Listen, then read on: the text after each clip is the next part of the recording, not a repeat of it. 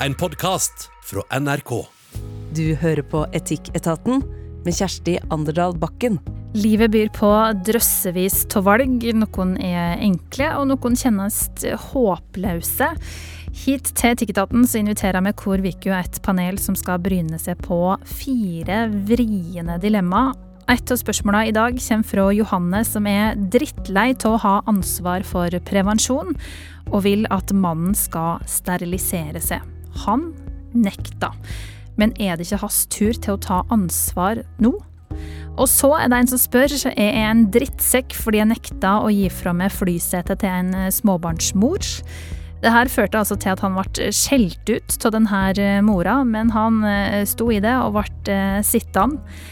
Erlend Osnes, du er komiker. Ikke akkurat kjent for å legge noe imellom. Er du en som lett havner i krangel med folk? Nei, ikke i utgangspunktet. De fleste kranglene med folk har jeg jo inni mitt eget hode, sånn som alle andre normale mennesker. Og så går det et par minutter, så tenker jeg hvorfor sa jeg ikke det? Ja.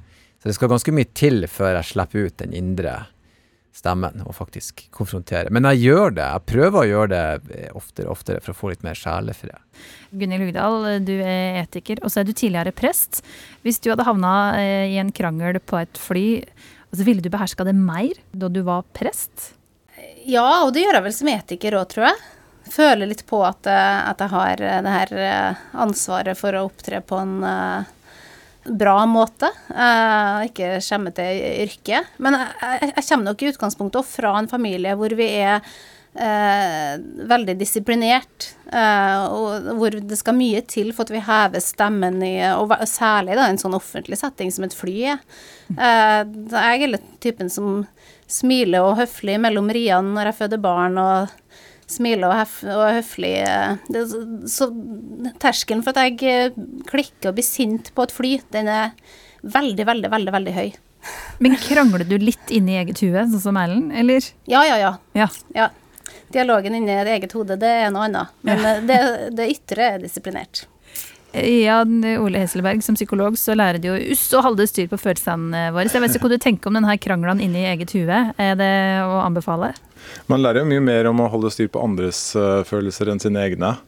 Ja, det gjør man. Riktig. Så du så, kan også klikke som psykolog? Eller? Jeg, jeg egentlig velger den aller dårligste varianten, og det er at det, det lekker ut irritasjon uh, av kroppen min, uh, som blir synlig for alle, uten at jeg egentlig formulerer det på en tydelig måte. Så Hvordan lekte det? Nei, det bare synes veldig, veldig godt. Ja. På stemmeleie også, så det er ikke å anbefale for noen. Og før vi går inn i denne krangelen om et uh, flysete, så skal det handle om et par som står overfor et valg som de ikke klarer å enes om. Og det er ikke et lite valg heller. Det handler om sterilisering. Og som alltid, har du et etisk dilemma du vil ha Etikketaten sine tanker rundt, så send oss gjerne en e-post til etikketaten krøllalfa nrk.no. Hjelp, vi blir ikke enig, skriver Johanne Theus. Det store spørsmålet er altså skal mannen klippe strengen? Vi har tre fine, friske unger, akkurat som vi har drømt om, og vi er enig i at det er nok. I 15 år har jeg sørga for prevensjon, og nå syns jeg mannen min, det kan kalle han Lars, må ta ansvar. Jeg har kjent på bivirkningene ved å fylle kroppen med hormoner, og hadde sett fram til å legge bunken med p-pillebrett på hylla. Lars er skeptisk til å sterilisere seg, og jeg klarer ikke skjønne hvorfor. Sjøl sier han at det kjennes så drastisk og så endelig å skulle legge seg på operasjonsbordet. Jeg kjenner òg til flere andre menn som stritta imot når forslaget om sterilisering blir lagt på bordet i heimen. Jeg håper Etikketaten kan gjøre meg og andre klokere på spørsmålet sterilisering er det for masse å be om? Helsing Johanne. Og Johanne og Lars er altså i slutten av 30-åra. Erlend, hvorfor tror du det sitter så langt inne å sterilisere seg? Jeg, jeg tror eh, jeg, jeg, jeg, kan ikke si hva Lars tenker, men sånn som menn tenker, og ut ifra menn har prata med om akkurat det samme, så handler det om at vi er veldig, veldig redd for, eh, for, eh, for tissen vår. Ja.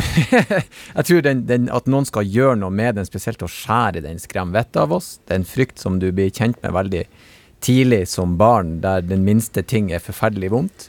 Så jeg tror enhver gang du føler den er trua, jeg tror det, jeg tror det er en sånn iboende frykt at nei, det, det bare tør jeg ikke. Så det, det, jeg tror nok at det kan koke ned til det. Det er i hvert fall min oppriktige mening. Jeg kjente på den. Jeg har sterilisert det, må jeg jo nesten si for ordens skyld. Jeg har gjort det, og den kjente jeg enormt på.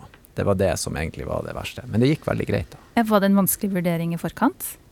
I utgangspunktet så ville jo jeg ha flere barn, og kona mi sa at eh, det er nok barn. Og det er jo hun som strengt tatt gjør brorparten av jobben med barn, så jeg skjønner jo at hun må få lov å, å si det. Og, eh, og, jeg er også veldig enig i at hun hadde spist eh, hormoner i mange, mange år, og det fikk jo jeg òg se hvordan det påvirka henne. Jeg tror ikke det er bra. Så eh, alle de argumentene kjøpte jeg helt klart at nå kunne jeg gjøre noe for å lette på den situasjonen. Kan jo skjønne at Johanne blir ganske provosert da, når du har født tre unger ut av samme type område. Eh, Ja da. og det er ikke måte på hvor mange som skal se eh, og ordne opp eh, nedi der. Eh, Gunhild, er du enig i at det er for masse å be om? Sterilisering når du har fått de ungene du vil? Jeg tenker at verken kvinner skal ikke presses eh, til abort, og menn kan ikke presses til sterilisering. Eh, For det er jo et inn- inngrep på egen kropp. Og jeg blir veldig liksom, interessert i hva er det som er eh, årsaken til at denne partneren vegrer seg, da. Eh, Vi har hatt denne samtalen hjemme i vår familie, eh, og jeg, jeg syns det var eh, alvorlig å på en måte be mannen min om å sterilisere seg, fordi at jeg tenkte ja, men enn hvis jeg dør, f.eks. Eh, Vi vet jo aldri hva livet bringer. Hva hvis han da møter ei dame som kanskje ønsker et barn, sjøl om han nå i utgangspunktet tenker at han er, er ferdig, sånn som vi ser livet nå. Eh, så jeg følte var at eh, at det var alvorlig, da. Men klart, det er jo ikke irreversibelt på menn, til sammenlignet med kvinner. Og så tenker jeg òg at, at noe som det er viktig å tematisere i denne sammenheng, eller er det med at prevensjon har en tendens til å konstitueres som et kvinneansvar, da. Enten det er en, eh, et one night stand med en gutt på 19 eller en nyskilt mann på 40, så tror jeg, og det viser forskning òg, er at eh, menn har tar det for gitt, liksom, at kvinner har kontroll eh, og tar veldig lite ansvar, aktivt ansvar for eh, sitt reproduktive potensial. Eh, så det er jo et sånn anliggende for meg at menn må komme på banen og i større grad ta eh, ansvar for at de er reproduktive. Det er ikke bare kvinner som er reproduktive. Hvilke følger har det at eh, det er kvinners ansvar med prevensjon? Eh, Nei, jeg så, noe av det i forskninga mi. Det er jo f.eks. det at i og med at mange menn bare tar for gitt da, at det her er trygt liksom, for kvinner har tatt ansvar, jeg trenger ikke å spørre engang, liksom. Ehm, så blir det òg en sånn logikk på at eh, uplanlagte svangerskap lett da kan konstitueres som eh, kvinners feil, liksom. Kvinners eh, skyld. Og at det igjen, da, hvis eh, en kvinne velger å fullføre et uplanlagt og uønska svangerskap, så konstitueres, konstitueres det som kvinnas eh, ansvar at mannen sitt liv blir ødelagt, i hermetegn. Jeg leste en nettsak på nrk.no om det her, og det virker bl.a. som at folk også er redd for liksom, tap av manndom. Kan det skje noe i huet på folk som steriliserer seg, Jan Ole? Ja, altså jeg tenkte kanskje et eh, perspektiv som er viktig å bringe inn her, er jo at forskning på sånne type spørsmål som det er, altså sånne store valg og moralske eh, spørsmål, det viser jo at vi det er et skille mellom det vi kan oppfatte og være enig i rasjonelt og argumentativt, og det vi føler.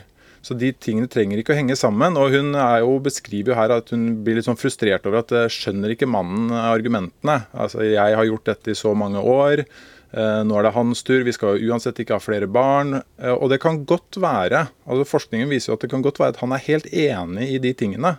Og at han rasjonelt kan forstå det.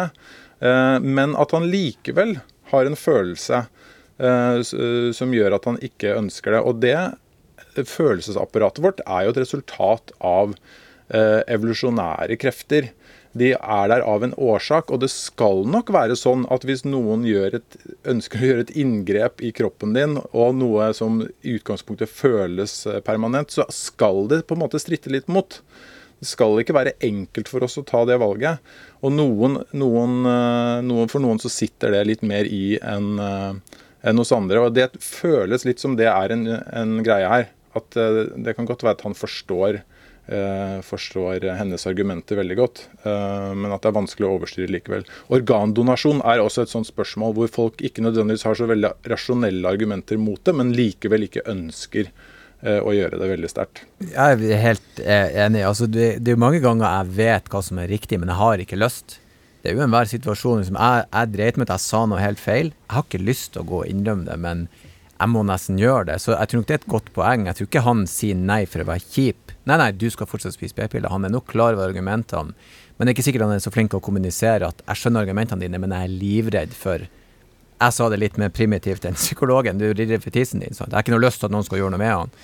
Så det er kanskje det de heller må snakke om. Men hva, hva, er du redd for? Kan vi snakke med de som skal gjøre inngrepet?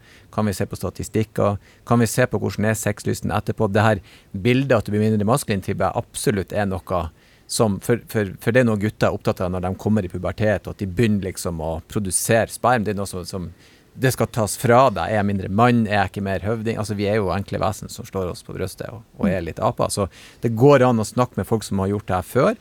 Så jeg vil liksom anbefale henne at i stedet for å bli frustrert, prøve å spørre han spesifikt hva er det du frykter. Men kan ikke hun sterilisere seg da, Gunhild? Det er jo et langt større, eller det er et mer omfattende inngrep på kvinner. Uh, og jeg tror nok at jeg ville ha følt litt på urettferdigheter i det, da, etter liksom det enorme inngrepet som et svangerskap er på, uh, på kvinnekroppen. Uh, og mannen min hadde jo en lang prosess på det her. og jeg tenkte egentlig liksom at den saken var lagt død, når han plutselig kommer på banen og klarer da å booke Eh, sterilisering på bryllupsdagen vår, for han hadde glemt at det var bryllupsdagen. Og han hadde også glemt at det var planleggingsdag i barnehagen, og at eh, jeg skulle holde foredrag om reproduksjon på UiA den dagen, så at han egentlig skulle passe ungene. Men da, den dagen hadde han klart å booke sterilisering. Plutselig kom han på banen. Da var jo jeg veldig glad for det, så jeg måtte jo bare fikse barnepass og greier.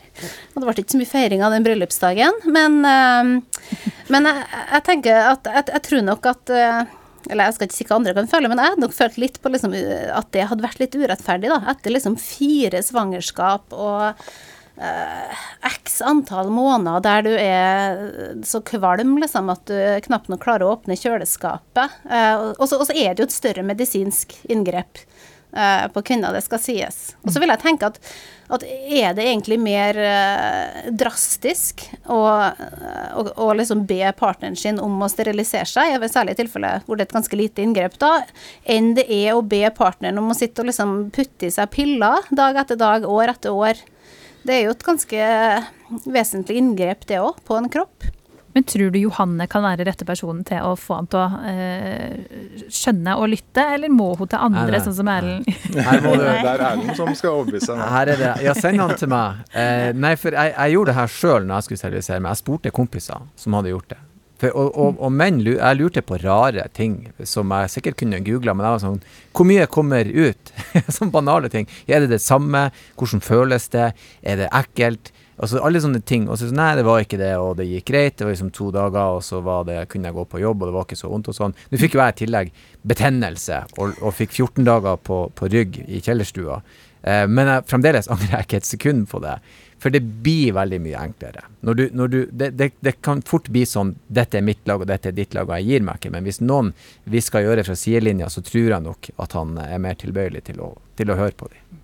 Men fram til det skjer, at han får snakka med kompiser og bestemt seg, kan hun sette hardt mot hardt og si fra nå av er faktisk prevensjon eh, ditt ansvar. Og hvis ikke du tar ansvar for det, så blir det ingen sex. Er det helt eh, fair, Jan Ole? Eh, det kan jo diskuteres om det er fair eller ikke. Eh, spørsmålet er om det er en god strategi. da, Selvfølgelig kan hun det, men man skal jo bygge dette parforholdet videre også etterpå. Noen ganger så kan man ikke, kanskje ikke unngå at man må, må presse litt uh, mot hverandre, men, uh, men, det er jo ikke akkurat anbefalt i litteraturen, for å si det sånn. Hvorfor det? Rart, det der. Um, men vi kan jo si det at uh, i 2020 så sjekka vi i NRK med de største private aktørene, som er de som utfører mest sterilisering her uh, til lands. Og da melder alle kjedene vi har prata med at det er mange flere som steriliserer seg i dag, sammenligna med bare for noen år siden. Så trenden går nå i hvert fall i den retningen som Johanne ønsker her. Det kan jo være greit å ta med seg. Da skal vi inn i et eh, nytt dilemma, eller kanskje eh, rettere sagt et lite flydrama. Det skal altså handle om en krangel mellom to flypassasjerer, men hvem har egentlig moralen på si side? Det skal etiker Gunhild Hugdal, psykolog Jan Ole Hesselberg og komiker Erlend Osnes få dykke inn i nå, som sitter her sammen med meg, Kjersti Anderdal Bakken. Avisa Daily Mail skriver altså om en fyr som skulle fly fra Hellas til USA. Det er en tur på ti timer. Han hadde betalt ekstra for å få et sete langt fram i flyet, sånn at han kunne komme seg raskt inn og ut. Så kommer det da ei mor bort til han og lurer på om de kan bytte sete, sånn at hun kan sitte sammen med mannen sin og deres to unger. Setet hennes var 20 rader lenger bak. Det her det sier mannen nei til, og viser til den dyre billetten han har kjøpt for å sitte akkurat der. Mammaen hun blir irritert og kaller han en drittsekk. Mannen han rikker seg ikke og blir sittende. Etter flyturen så deler han da den historien her på nettsamfunnet Reddit og spør er jeg en drittsekk som ikke vil bytte sete. Jan Ole, er han en drittsekk? Enkelt svar på det. Uh, jeg syns sånn umiddelbart uh, ikke det. Uh, men det jeg liker med den situasjonen her, er, er hvor mange ledd den består av, og at den synliggjør at Eh, de ulike deler av de leddene påvirker vurderingen vår, da, eller i alle fall min. Så det første spørsmålet er Hun kommer opp og spør får jeg lov til å kan vi bytte. Eh, jeg tror alle vil være eh, enig i at det, ikke, det er ikke en urimelig forespørsel. Eh, så kommer det liksom tilleggsinformasjon om at turen er veldig lang, at han har betalt ekstra. Det går på en måte litt i hans uh, favør. Og så får du også den informasjonen om at det er 20 rader lengre bak, som er ganske langt uh, bak i flyet. Det påvirker også følelsen vår av hvor, hvor rimelig det er å si nei til dette. Og så kommer den tilleggsinformasjonen som jeg syns er viktig. Da, det er at, at hun, blir så, hun blir ganske sur hun eh, liksom, føler seg litt berettiget. Og det eh, er jo noe som vi mennesker har en tendens til å reagere litt på. Når folk, eh, når folk føler at de, de, de, har krav på noe som, som, det er litt uenighet om, egentlig. Og Forskning viser jo at det kanskje det lureste hun burde ha gjort i den situasjonen, det er jo å for, for, forsøke å forklare sitt eget ønske og sitt behov litt mer, fremfor å bli sur.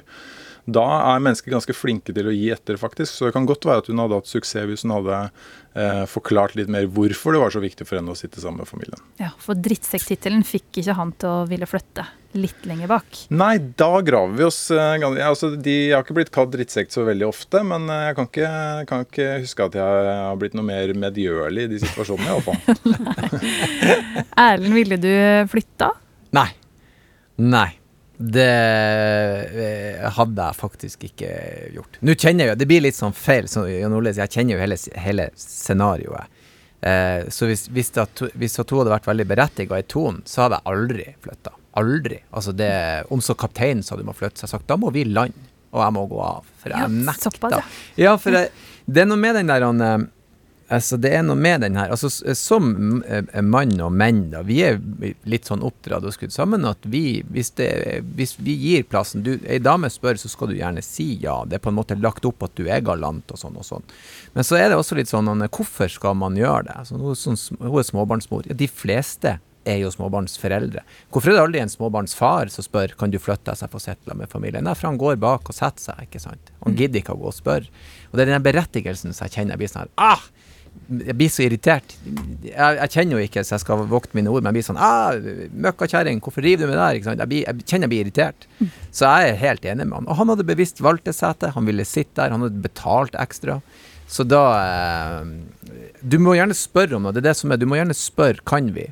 Men du kan ikke forskuttere avgjørelsen, og du kan i alle fall ikke reagere negativt når du ikke får det som du vil. Da må du heller tenke inn, den diskusjonen som vi var inne på i sted, inni hodet ditt. Å, for en møkkafyr som ikke vil flytte seg. Ha den inni hodet ditt. Kall han en drittsekk der, og så går du bak og setter deg. Altså, du, du, tar jo av og lander samtidig, så vidt meg bekjent, som resten av familien din.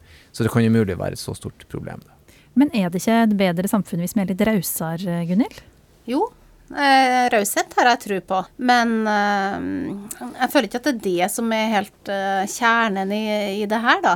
Eh, jeg er assosiert til Løgstrup når jeg hørte det her eh, dilemmaet. Eh, Løgstrup, en dansk teolog og etiker, sier jo det at de eh, snakker om den etiske fordring. At i et møte med ethvert menneske så har vi eh, dets liv i våre hender, og vi har en sånn absolutt eh, krav om å ivareta det. Eh, og, det tenker jeg, det har, det har han her eh, typen på flyet òg. men som eh, nærhetsetikken til Løgstrup lærer, da, så er det ikke sånn at det alltid er samsvar mellom den etiske fordring og det vedkommende ber oss om. Eh, om en unge sier 'jeg vil ha is', så er det ikke sånn at du må gi den ungen is bare for, de, for å ivareta det mennesket. Den etiske fordring må tolkes. Eh, og jeg tenker ikke at sånn i utgangspunktet så er det denne situasjonen hvor, eh, hvor han her mannen eh, er plikta til å gi fra seg setet sitt for å ivareta eh, hun. Det er ikke en livbåt han sitter i, eh, hvor hun og ungene trenger å få plass. Det er svært lite som står på eh, spill, da, annet enn kanskje litt sånn slitsom og ubehagelig eh, flytur, som alle småbarnsforeldre vil kunne eh, erfare. Um, det hadde vært noe annet liksom, om det er tre timer inn i flyturen. Hun, hun hadde ikke spurt om å få bytte sete. Tre timer inn i flyturen så ser du at hun er bleik og helt utslitt, og svetten renner, og ungene har grenet i to timer. Og så spør hun du, unnskyld, altså, vær så snill, kan du bytte plass med mannen min? Da hadde han kanskje i utgangspunktet rømt ned til rad 22 uansett, bare for å få fred. Og når jeg kommer i butikken eh, og stiller meg i kø eh, foran kassa med min barneflokk, så har ikke jeg noen forventning om at folk liksom bare skal vike, la meg tre fram og gå først i køa bare fordi jeg har eh, barneflokken min. Eh, for jeg tenker det er to ting som er spennende å eh, tematisere i forlengelse av det her eh, caset. Og det er jo både eh, en sånn diskurs som handler om, at, om en sånn småbarnsforeldre-offermentalitet. Liksom at eh, vi har rett til å gå foran alt og få eh, spesialbehandling bare fordi vi er småbarnsforeldre, og det er så, eh, det er så hardt, liksom. Men i andre ytterligheten så tenker jeg at man i ja, i samhandlinga da, i dagliglivet òg kan møte en sånn helt eh, annen diskurs på andre ytterfløya, der eh, der folk er sånn Ja, men du har valgt å få barn sjøl. Eh, at hvis du f.eks. For forteller om at ja, jeg er så sliten nå fordi at uh, ungen min sover ikke om natta, så møter du bare kommentaren Ja, det har du valgt sjøl. Som en sånn veldig kynisk, ubarmhjertig eh, eh, valgdiskurs, da. Eh, der, eh, der man behandler valg eh, på en sånn måte at det helt ekskluderer solidaritet da, med noen som eh, har det vanskelig. Men nå tyder jo vår diskusjon på at, eh, at uh, man trekker ganske tydelig i én retning. Uh, og hva ble reaksjonen på, på, på posten hans, egentlig, eh, på Reddit? Og han blir hylla i sosiale medier for valget han tok. Det virker nesten som folk er litt sånn åh, småbarnsforeldre, nå må vi stå sammen, oss eh, single folk. Men eh, jeg må også si du, du er maks usikker når du liksom må på Reddit og hente støtte. Når liksom, dette skjedde meg, tenk hun kalte meg for en drittsekk. Så jeg blir litt sånn Kom igjen, mann, ro deg ned. Du er ikke utsatt for noe fælt her. Altså, slapp helt av. Eh, det Der tapte han litt sympati. Ja det gikk fint med deg. Du overlevde, selv om hun kanskje kalte deg et stygt ord der. Det gikk fint. Så jeg, så jeg blir litt sånn, hvis, hvis det hadde skjedd meg, så hadde jeg neppe laga noen Facebook-post av det eller Reddit. Jeg hadde på en måte bare registrert at ok, det var hennes reaksjonsmønster, men nå skal jeg nyte denne plassen jeg har kjøpt på min reise dit jeg Ja. Hvis han eh, noen gang skulle ha en litt sånn dårlig dag, så kan han i hvert fall gå inn på Reddit og eh, ulike sosiale medier og se hvordan han blir hylla. Har folk i ryggen. Han har folk i ryggen, skal jeg love det. Og Etikketaten også, eh, høres det ut som. Og jeg skal ta og gå videre med, snart skal det handle om dusjvegger. Skal en høre på ungdomsskoleelevene og sette opp skillevegger i dusjen, eller må elevene finne seg i å dusje ved sida av hverandre etter gymmen? Men eh, først nå så skal vi inn i eh, kjærleiken og i et eh, skikkelig vrient dilemma som er sendt inn fra ei som kaller seg Ingrid. Nå skal du få bruk for bakgrunnen din fra sykehjemmen, eh, Erlend Osnes. Eh, En psykolog kommer også godt med når vi skal skjønne hva som foregår inni oss, og den rolla har du, Jan Ole Hesselberg. Og så er det etikken vi skal bore i, og til det har vi en etiker, Gunhild Hugdal, som også jobber med etikk til daglig. Her står det Hei, Etikketaten. Vi er to voksne mennesker i slutten av 70-åra som har funnet kjærleiken hjå hverandre. Vi møttes for om lag tre og et halvt år siden. Utfordringa er at han er gift, men kona hans er dement. Det har hun vært i 15 år, og de siste seks åra har hun bodd på institusjon. To av hans tre unger aksepterer ikke at far har funnet seg en kjæreste. De mener faren er utro, og de har brutt kontakta med han. Vi kunne gjerne tenkt oss å høre hva Etikketaten tenker om saken. Med vennlig hilsen Ingrid, og så kaller vi da mannen for eh, Ulf. Gunhild, hvilke tanker gjør du deg rundt den historien til Gunhild og Ulf her? Nei, umiddelbart når jeg hører den, så assosierer jeg til, eh, til noe min søster, som er nevropsykolog og som jobb, har jobba innenfor demensomsorg i Danmark, har fortalt. Hun fortalte meg at, eh, at, i Danmark så kan eh, pårørende til demenssyke nesten bli oppfordra til, eller i hvert fall liksom, det kan nevnes som et alternativ, at det kan være bra det å finne, ha en affære eller Eh, finne seg en kjæreste. Eh, og for dem som er interessert i det her, så går det an å google 'livsflimmer' og Anja Aalund. Eh, for hun er ei som reiser rundt i Danmark og holder foredrag for demenspårørende. Og hun sjøl bor, hjem, bor sammen, hjemme sammen med sin demente ektefelle, mann. Uh, og hun har i tillegg en kjæreste som har et veldig godt vennskap med den demente mannen hennes. da. Og henne, hun og hennes tre døtre og denne kjæresten de danner sammen et sånn veldig godt pårørende team da, i uh, omsorgen for uh, den demente mannen hennes. Det, så jeg vet at Søstera mi f.eks., som nå jobber innenfor demensomsorg, hun har liksom for lengst tatt den samtalen med ektefellen sin da, og sagt at hvis det er jeg som uh, blir sånn dement, og det, det, det, kan skje med oss søstrene Vi har ja, vi er nok arvelig belasta for det. Uh, men at uh, hvis det er jeg som blir så dement, så er det greit for meg at du finner deg en kjæreste, så lenge du ivaretar meg, uh, hjelper meg å holde kontakt med deg og bevare relasjonelle bånd til barn og etterkommere osv. Hvor godt kan det gjøre for en godt voksen uh, pårørende å ha en affære da, Jan Ole?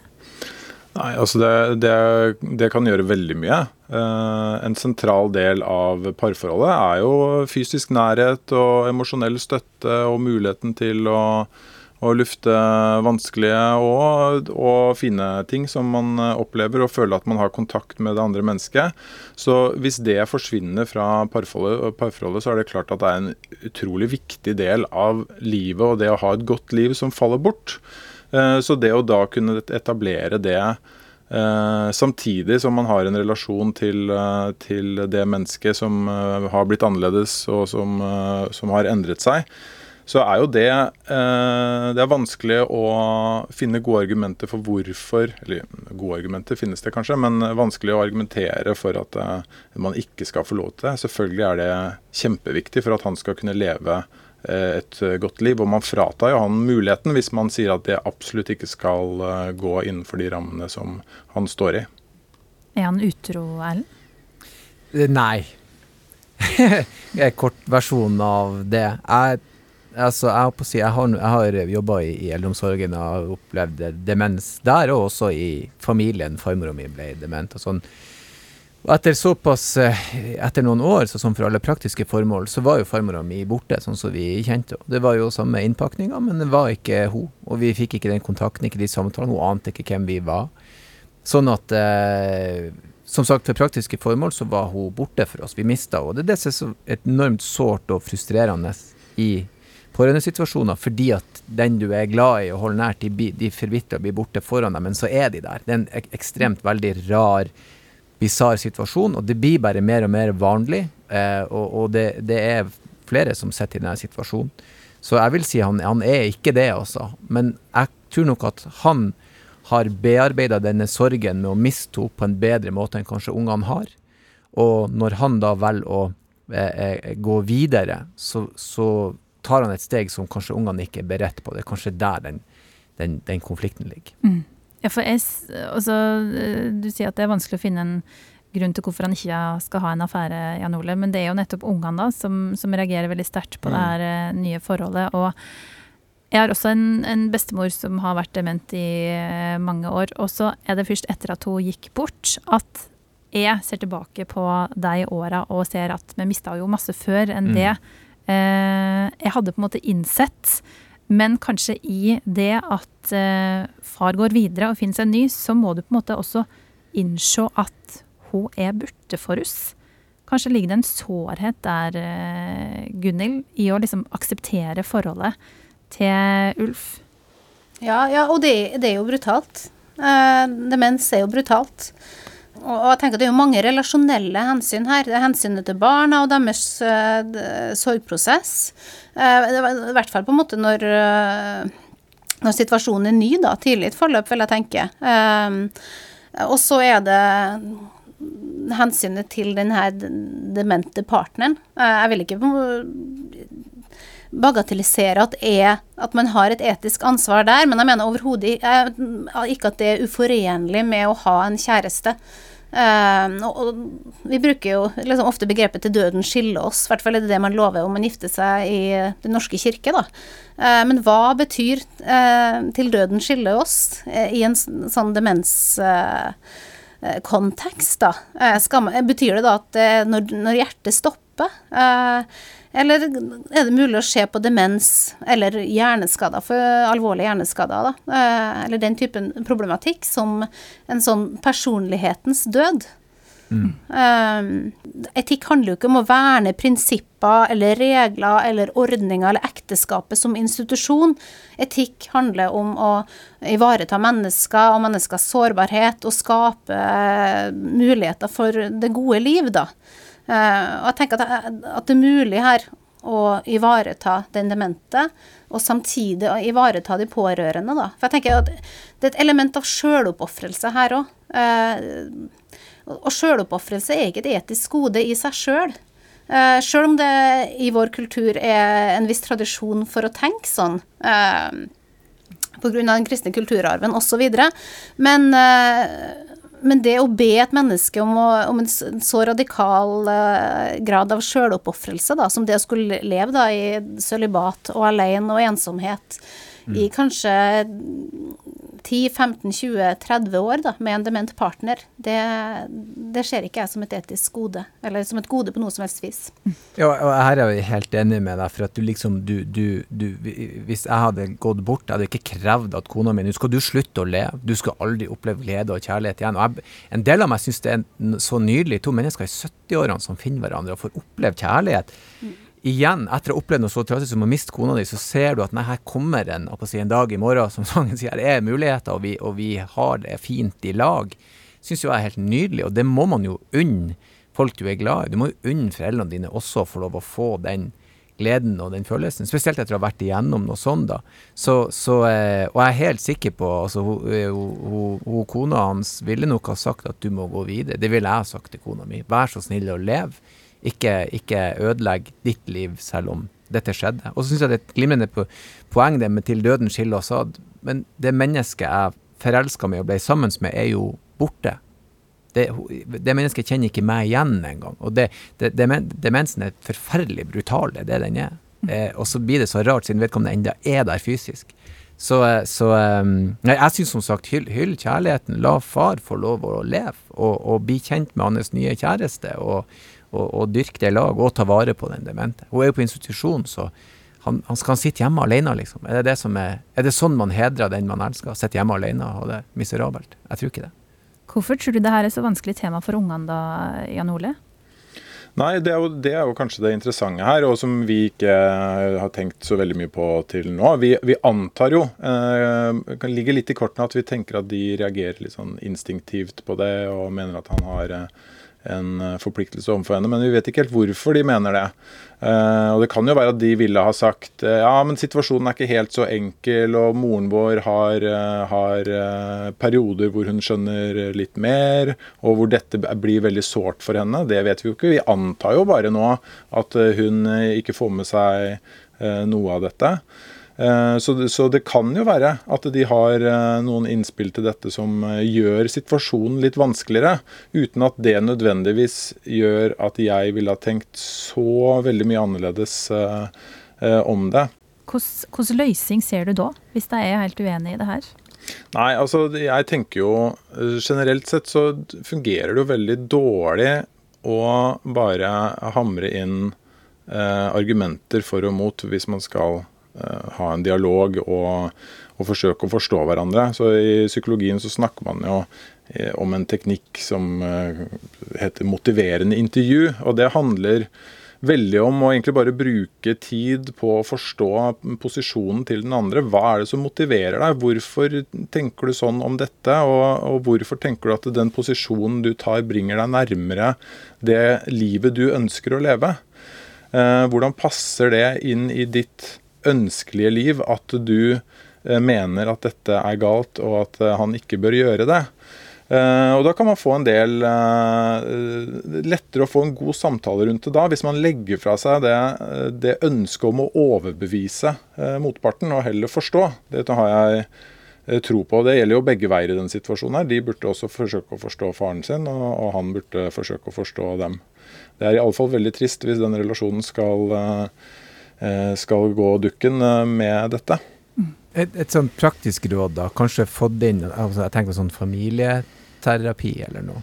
Vi vet jo ikke hvor flink far er å ordlegge seg om han forklarer hva ny kjæreste betyr, og hvor lei seg han er for at mor er gått bort. Ikke sant? Det er mange ting vi ikke vet, men det å få inn en tredjepart som, som, eh, som Jan Ole sier, som, som, i stedet for at man prøver å overbevise hverandre, kan hjelpe dem. Som, ja, hvorfor tror du dette er riktig? Dette, prøve å lede dem litt på rett vei. Mm. Og for å holde en familie samla, så syns jeg jo ikke det, det, er jo ikke, det er jo ikke et dumt trekk, og så prøve å gjøre noe sånn for oss. For jeg regner med at de ønsker at dette skal bli bedre, så kanskje er det svaret. Mm.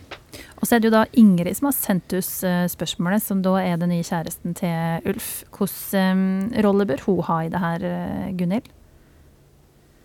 Jeg tenker, eller jeg ville nok ha tenkt meg om noen uh, tenkt meg grundig om. Uh, også når, liksom går, når, man går inn i en sånn relasjon. Da, for da går man jo inn i en relasjon der man må være klar over at at eh, kjæresten din Du har ikke full patent på den på samme måte, fordi at vedkommende har en, en omsorgsforpliktelse, da, eh, som man går inn i. Eh, om man skal dra en parallell, så er det jo noe tilsvarende når man kommer inn i livet til noen som kone nummer to eller partner nummer to, og de har forpliktelser til barn fra før, f.eks. Eh, og det er ikke det samme som å starte liksom på scratch i et eh, parforhold. Overhodet ikke. For da, får du med en pakke som også mer enn bare liksom, Mye mer enn bare den ene mannen du har valgt, da. Så det å på en måte tenke rundt det, at OK, ja, men jeg vil være kjæreste med han. Men det er ikke sikkert at han kan være med meg tre måneder til Spania om vinteren, fordi at han har et ansvar for å følge opp denne kona si som er på demenshjem. Og da er det kanskje sånn hver julaften, når jeg egentlig har lyst til å ha han helt for meg sjøl, at uh, han må bruke tre timer på eldrehjemmet sammen med barn og kone. Uh, og, og, hvordan vil det være?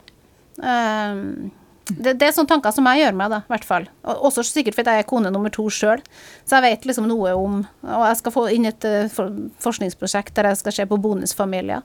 og da har du et, helt, et helt annet rigg, altså. Men kan det forholdet her kjennes mer moralsk rett hvis han skiller seg? Er det et alternativ, Erlend? Nei, jeg vil tro at hvis han skiller seg, så vil ungene se enda mer eh, mørkt på. Først får du deg ei på si, og så skal du skille deg, og mamma vet ikke at du skiller deg engang. Liksom. Så det, jeg tror ikke han bedrer noe, for å si det sånn. Altså, det er jo i så fall kun det formelle. Mm. Men uh, det er jo aldri det liksom formelle som avgjør vårt moralske kompass. Det er derfor folk kjører for fort eller feilparkerer. De følger jo ikke reglene, det føles ikke riktig. Så jeg tror ikke den, en skilsmisse vil, vil endre noe. Det med skilsmisse er jo et litt interessant uh, spørsmål, fordi det er helt sikkert noen som ville ha tenkt at det gjør det bedre. Eh, som tenker at er, man må, skal holde det ekteskapet hellig, og at eh, man ikke skal bryte de reglene som følger med det. Men samtidig, hvis man står på det kravet, så, så tvinger man jo på en måte han også litt bort fra henne. kanskje i en situasjon hvor han ikke ønsker det. Eh, man dytter, henne litt, eh, dytter han bort fra, fra, den rollen han har for henne. Og, det, det er jo like tragisk. Og antageligvis ikke bra for noen parter. Verken barna, han eller, eller kona. Men hvis uh, ungene fortsatt står på sitt og ikke vil akseptere det forholdet her, og så må man velge Det er jo et helt forferdelig valg, Gunhild. Kjærest og hverdagslykke eller unger. Ja, og det er jo et valg jeg håper han eh, slipper, da. Jeg tror ikke det er et valg som fører noe, noe godt med seg. Ja, og jeg tenker det kan gå, eller i, våre dager så har barnets beste en sånn hegemonisk eh, diskurs. eh, og som kan problematiseres eh, Den problematiseres bl.a. fra liksom, særlig feministisk hold. Da, om at hva skjer med mora og med foreldre som At de er jo egne personer med egne liv og med egne behov.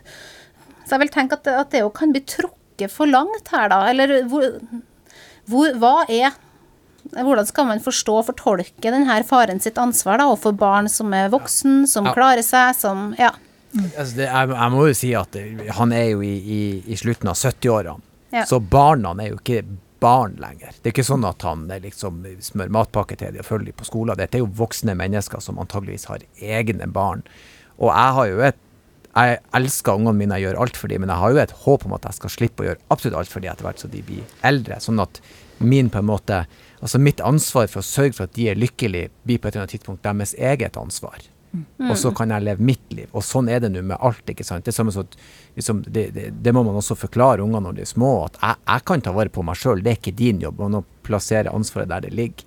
Så jeg syns jo du krever mye. At nei, pappa, jeg blir så lei meg.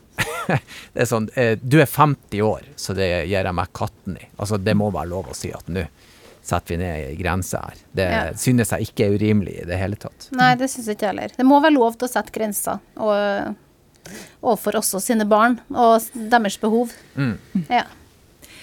Vi skal videre til siste dilemma i dag med, og hvis du eh, som hører på har noen rundt deg med demens, så finnes det folk å prate med og lufte tankene til. Blant annet har Nasjonalforeninga for folkehelse en demenslinje som det går an å ringe til. Eh, Telefonnummeret det er 23 12 00 40. Ikke bare er de komiker, etiker og psykolog, men også en gjeng med foreldre. Og det passer bra når vi nå skal inn på ungdomsskolen. Um, Gunhild, har du unger i den alderen der? Eh, ja. Eller, eller nei, ikke, ikke ungdomsskole, faktisk, akkurat nå når jeg tenker meg om. Jeg har så mye barn at jeg glemmer det. Men eh, jeg har barn fra 20 til eh, 3 år. Ja. Så jeg har nettopp hatt ungdomsskolebarn og vil ha det snart igjen. Ja, riktig. Ok, Yes. God Mm. ungdomsskoleerfaring. Eh, Hvordan er det med det, Jan Ole? Har du unger i ungdomsskolealder? Jeg har eh, en 12-åring og en 15-åring, så faktisk går begge på ungdomsskolen, selv om hun ene skulle eh, nest, begynt neste år, egentlig. Oi, Det er fire. De har samlet fire trinn på ungdomsskolen. jøss. Se der. Eh, hvordan er det med det, Ellen? Unger på ungdomsskolen? Ja, eh, en som forlot den nylig og begynte på videregående, og en som er på ungdomsskole, og ei som er i barneskole. Så eh, vært innom, er innom, og skal være enda en stund til innom der. Så. Her er det et eh, ekspertpanel på plass når vi skal inn i eh, ungdomsskoleverden. Det er altså sånn at eh, elever ved flere skoler som vi i NRK har prata med, forteller at ingen dusjer etter gymmen. Grunnen er at jeg syns det er vanskelig å være naken framfor medelever. De kjenner på kroppspress, og de er redde for å bli filma og havne i sosiale medier. Dette gjelder da både gutter og jenter.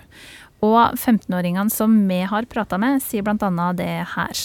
Vanligvis så tar vi litt papir, og så tar vi det under vasken og vasker det oss litt. deodorantmøse og parfyme, så de lukter litt bedre. Men det er jo fortsatt ganske ekkelt å føle at man er svett. Vi har også pratet med deg inne i dusjen, og de vil gjerne dusje etter gymmen, men da må det komme opp skillevegger, eh, mener de, sånn at de kan dusje uten å se andre.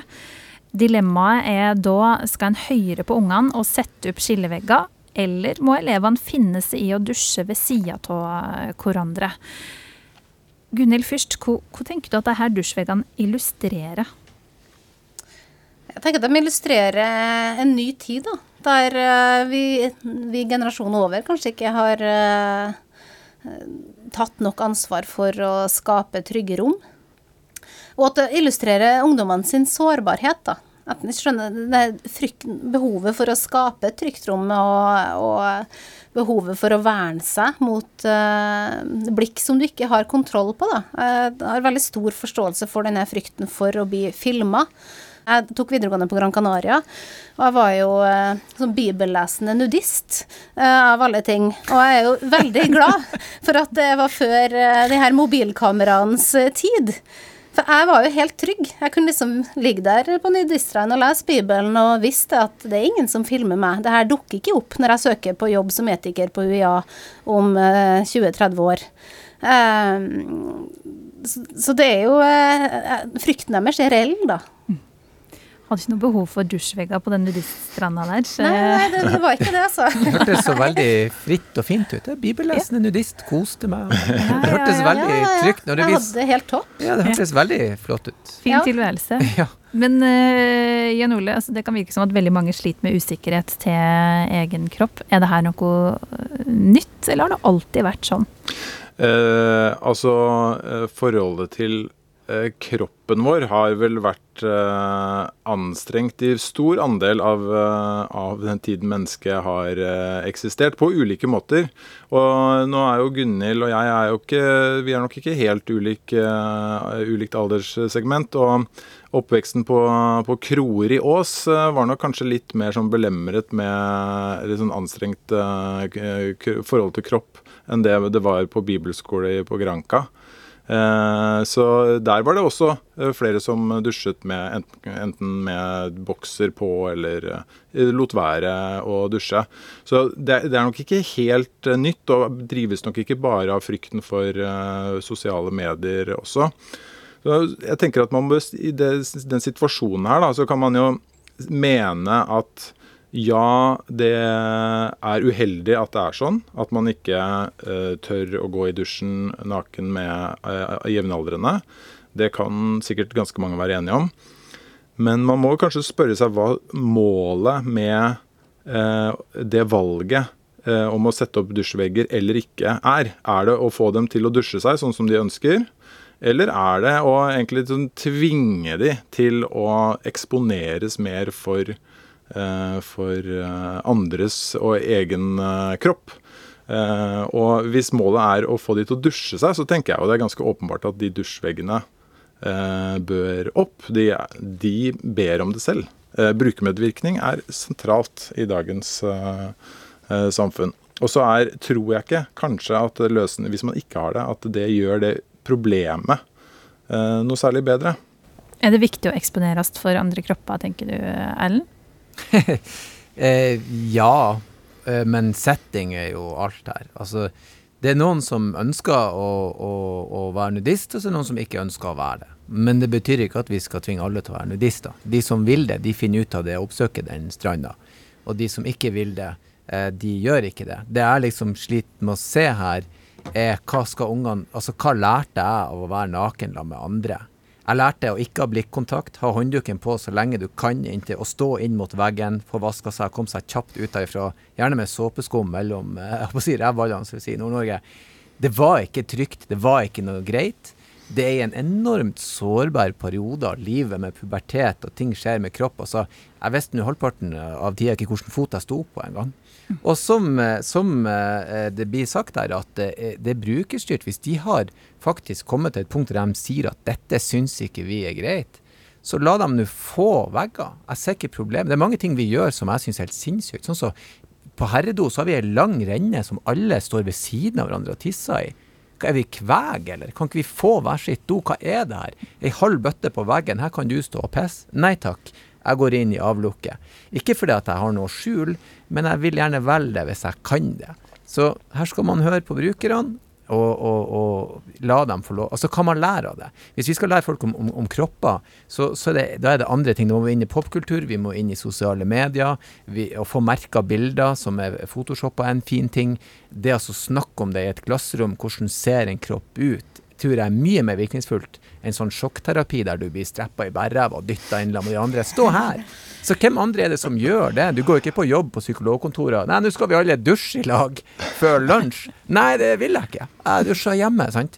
Så jeg, jeg syns det der er helt håpløst. Jeg så folk uttale seg veldig store. Det er en fallitterklæring. Er- Er det det? At unger sier vet du hva, dette syns ikke jeg er greit.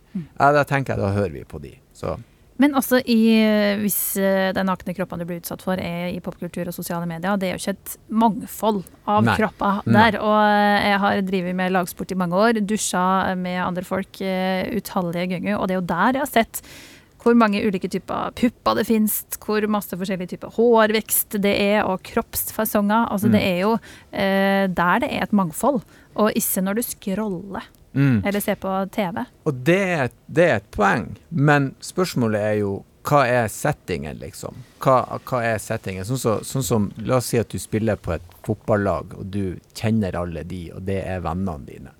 Så hvis du da eh, syns det er greit å være naken der, så syns jeg at du skal få være det. Og da vil du jo se hvordan de andre ser ut. Men hvis du ikke syns det er greit, så er det jo en grunn til det.